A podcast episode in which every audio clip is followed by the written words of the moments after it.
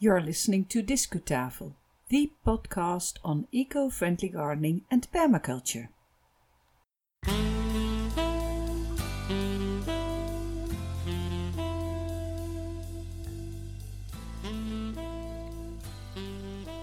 Welcome to this episode of Discutafel, the first Dutch podcast on eco friendly gardening and permaculture.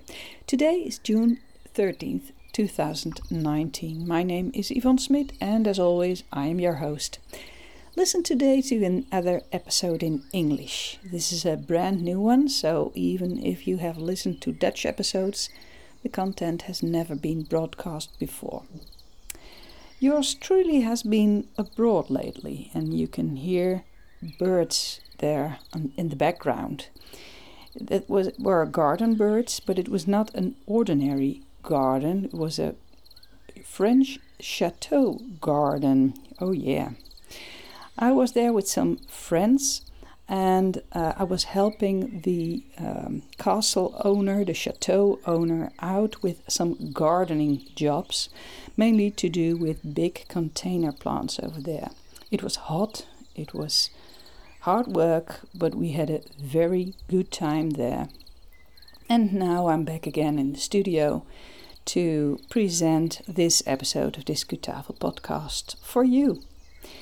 This time we would like to share with you some information about a Dutch initiative, a green initiative, an agricultural initiative called Herenboeren. These are residents who start their own nature inclusive farm. So, let's go!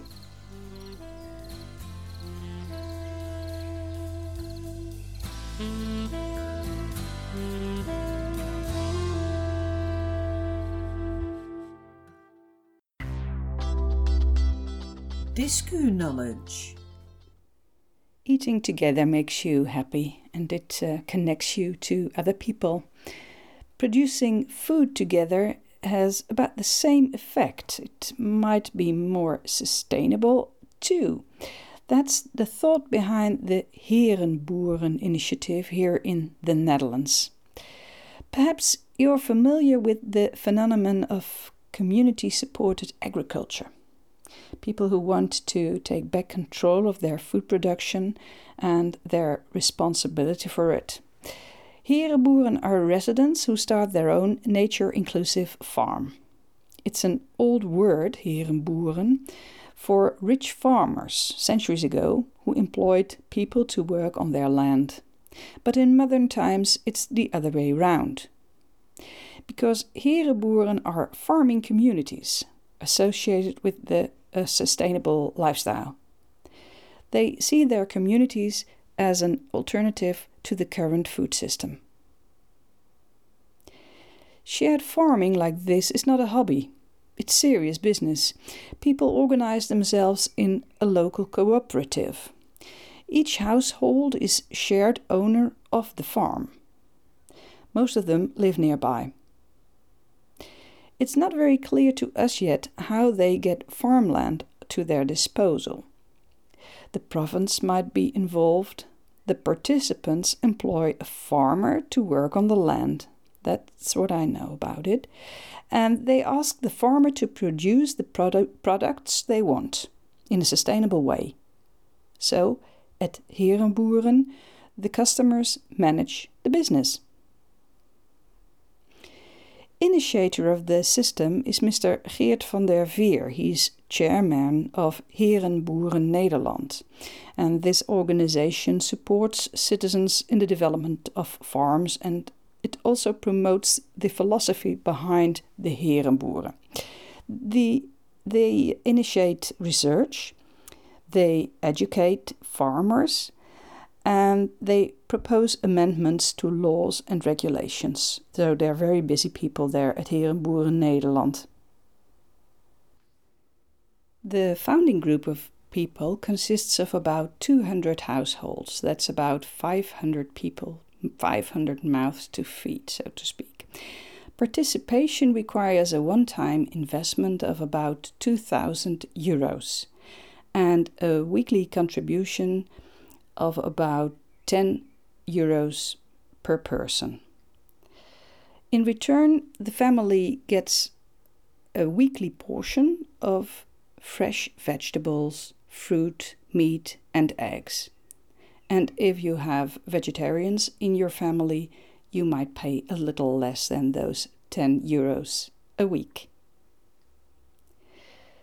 Herenboeren has its first working farm now in the North Brabant province. It's not far from here, from the studio, in Boxtel near Eindhoven.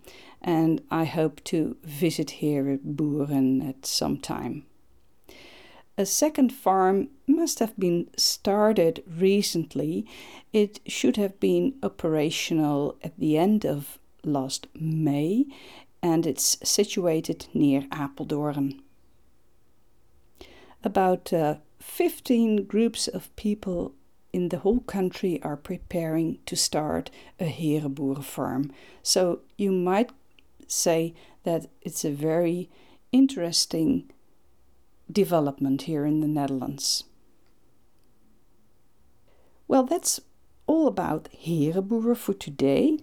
But if you would like to know more, please visit our website. In the show note of this episode, you will find a link to interesting information, also a link to a document in English about the philosophy behind Herenboeren.